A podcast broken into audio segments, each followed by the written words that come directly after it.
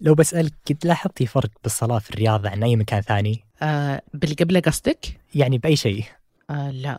يعني توقع من الأشياء اللي ممكن يلاحظها أي أحد يزور الرياض أو حتى إذا كان من سكانها وقد طلع منها عن كيف إن دايم القبلة بجزء كبير من الرياض تكون مستقيمة. يعني كذا جهة أحد الجدران. بينما إذا صليت بأي مكان ثاني بالعالم يمكن تكون القبلة مايلة. وأذكر قد بحثت عن السبب وطلع ان لما تخططت الرياض وتسوت الأحياء اللي الحين نشوفها مربعة تميلت المدينة 26 درجة بس عشان تكون مستقيمة مع القبلة. فصار دائما بس تحتاج تعرف القبلة من أي جهة من جهات الأربعة وتصلي.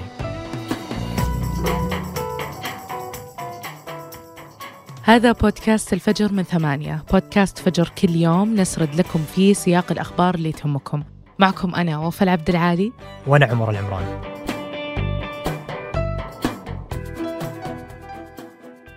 قبل ثمان شهور أعلن أحد حسابات الأخبار الساخرة في تغريدة قصيرة إنه يعطي لقب رجل العام لمساعد وزير الصحة الأمريكي اللي تحول من رجل إلى امرأة. وقف تويتر حساب الصحيفة وقال إنه بيرجع بعد 12 ساعة من حذف التغريدة. هو الشيء اللي رئيس تحرير الصحيفة رفض يسويه. إيقاف تويتر الحساب تعتبره مخالف لسياساتها مو أول مرة يصير. لكن اللي اختلف هالمرة هو ردة فعل إيلون ماسك عليها اللي كانت تربط علاقة مع الصحيفة ومؤسسها. إيلون بعدها نشر تصويت بحسابه يتساءل عن مدى التزام تويتر بحرية التعبير. وبعد ما كانت النتيجة أن الثلثين يشوفون أن تويتر ما تكفل حرية التعبير تساءل هل نحتاج منصة جديدة بدال تويتر؟ ومن هنا اختار يشتري تويتر. بس قبل نشوف كل الأشياء اللي سواها إيلون بتويتر خلينا نشوف وش كان وضع تويتر المالي قبله. في 2021 كان دخل تويتر 5.1 مليار دولار و89% منها جاية من الإعلانات وال11% الباقية من ترخيصات البيانات اللي تملكها.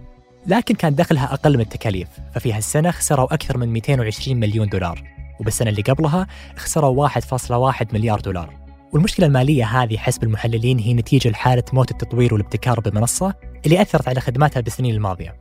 وهذا خلى تويتر حسب تقرير داخلي يواجه فقد حاد بفئة المستخدمين الأكثر نشاط اللي رغم أنهم يشكلون أقل من 10% من مجموع المستخدمين إلا أن نص أرباح تويتر منهم. وعشان كذا تويتر اليوم ترتيب ال 15 في عدد المستخدمين النشطين شهريا بالمقارنة مع منصات التواصل الاجتماعي اللي تنافسه مثل تيك توك اللي رغم إنه بدأ بعد 10 سنين من تويتر إلا إن اليوم أكبر مرتين ونص منه أو فيسبوك اللي هو أكبر من تويتر بأكثر من ست مرات وفي أكثر من مليارين و900 مليون مستخدم بالشهر. وزيادة على هالمشكلة المالية اللي واجهها تويتر إلو من جهته كمستخدم كان يشوف ثلاث مشاكل رئيسية. الأولى هي مشكلة الحسابات الوهمية اللي قال إن القضاء عليها هو أولويته. والثانية هي طريقة مراقبة وإدارة تويتر للمحتوى.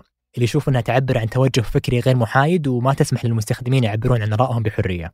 والمشكلة الثالثة في إن التوثيق بالعلامة الزرقاء منحصر على فئة محدودة من المستخدمين، بينما مفترض إن أي شخص يقدر يثبت هويته يقدر يوثق حسابه.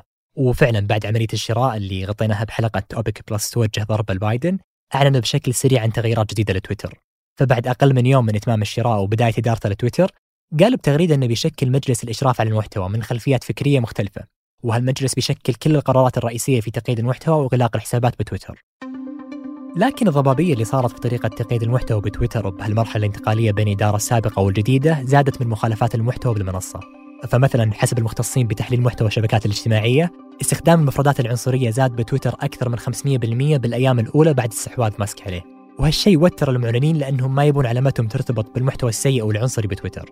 وعشان كذا أعلنت جنرال موتورز وفايزر وأودي وغيرهم إنهم بيوقفون مؤقتا إعلاناتهم بتويتر.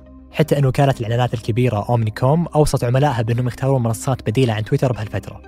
ونتيجة لهالشيء إيرادات تويتر من الإعلانات انخفضت بشكل سريع. وبعدها إيلون نشر رسالة للمعلنين يقول لهم فيها إن السياسات الجديده بتضمن أكيد أمان وسلامة المحتوى وإنه مستحيل يسمح لكل أنواع الآراء بدون عواقب.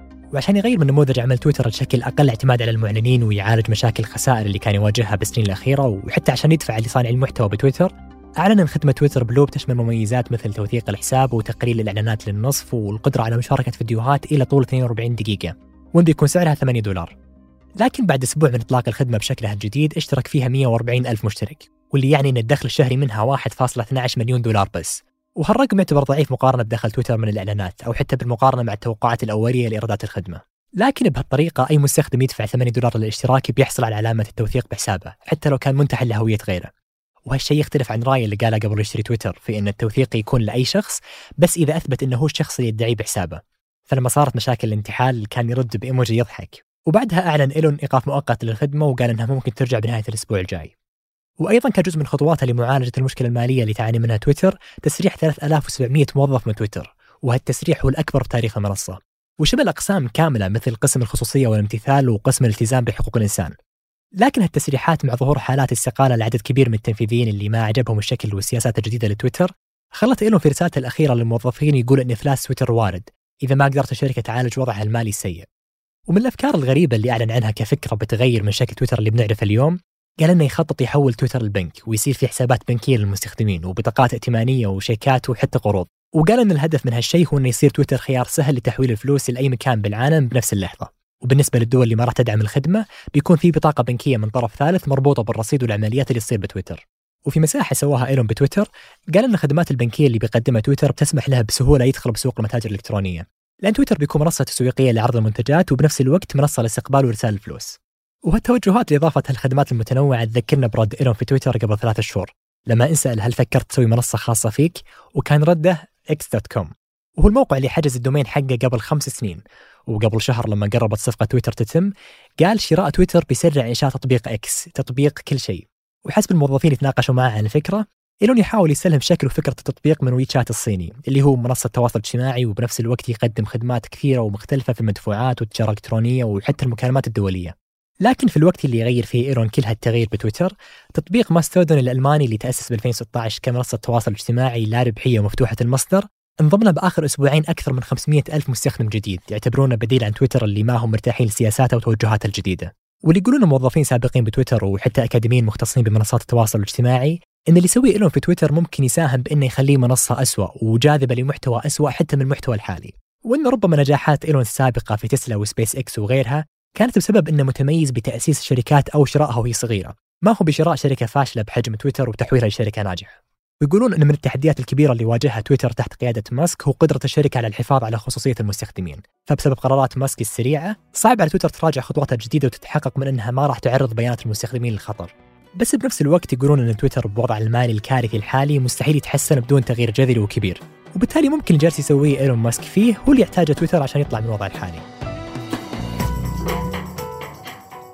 وقبل ننهي الحلقة هذه أخبار على السريع. خبرنا الأول عن عودة بنيامين نتنياهو إلى المشهد السياسي بعد تكليف الرئيس الإسرائيلي له بتشكيل حكومة جديدة.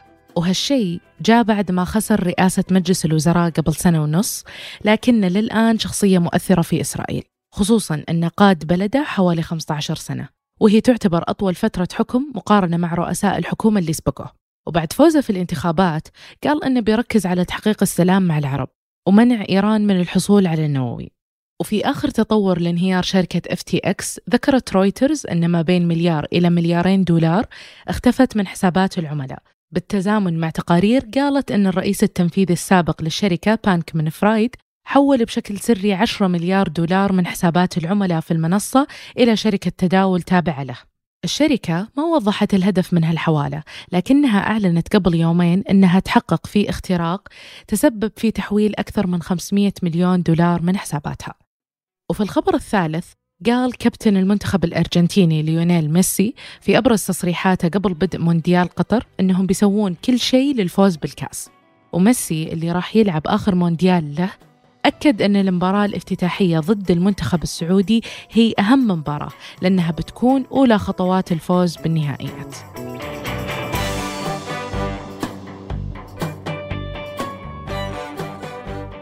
أنتجت هذه الحلقة أنا عمر العمران وراجعتها سحر سليمان. قدمتها أنا عمر. وأنا وفاء عبد العالي. وحررها محمود أبو ندى. أشوفكم بكرة الفجر.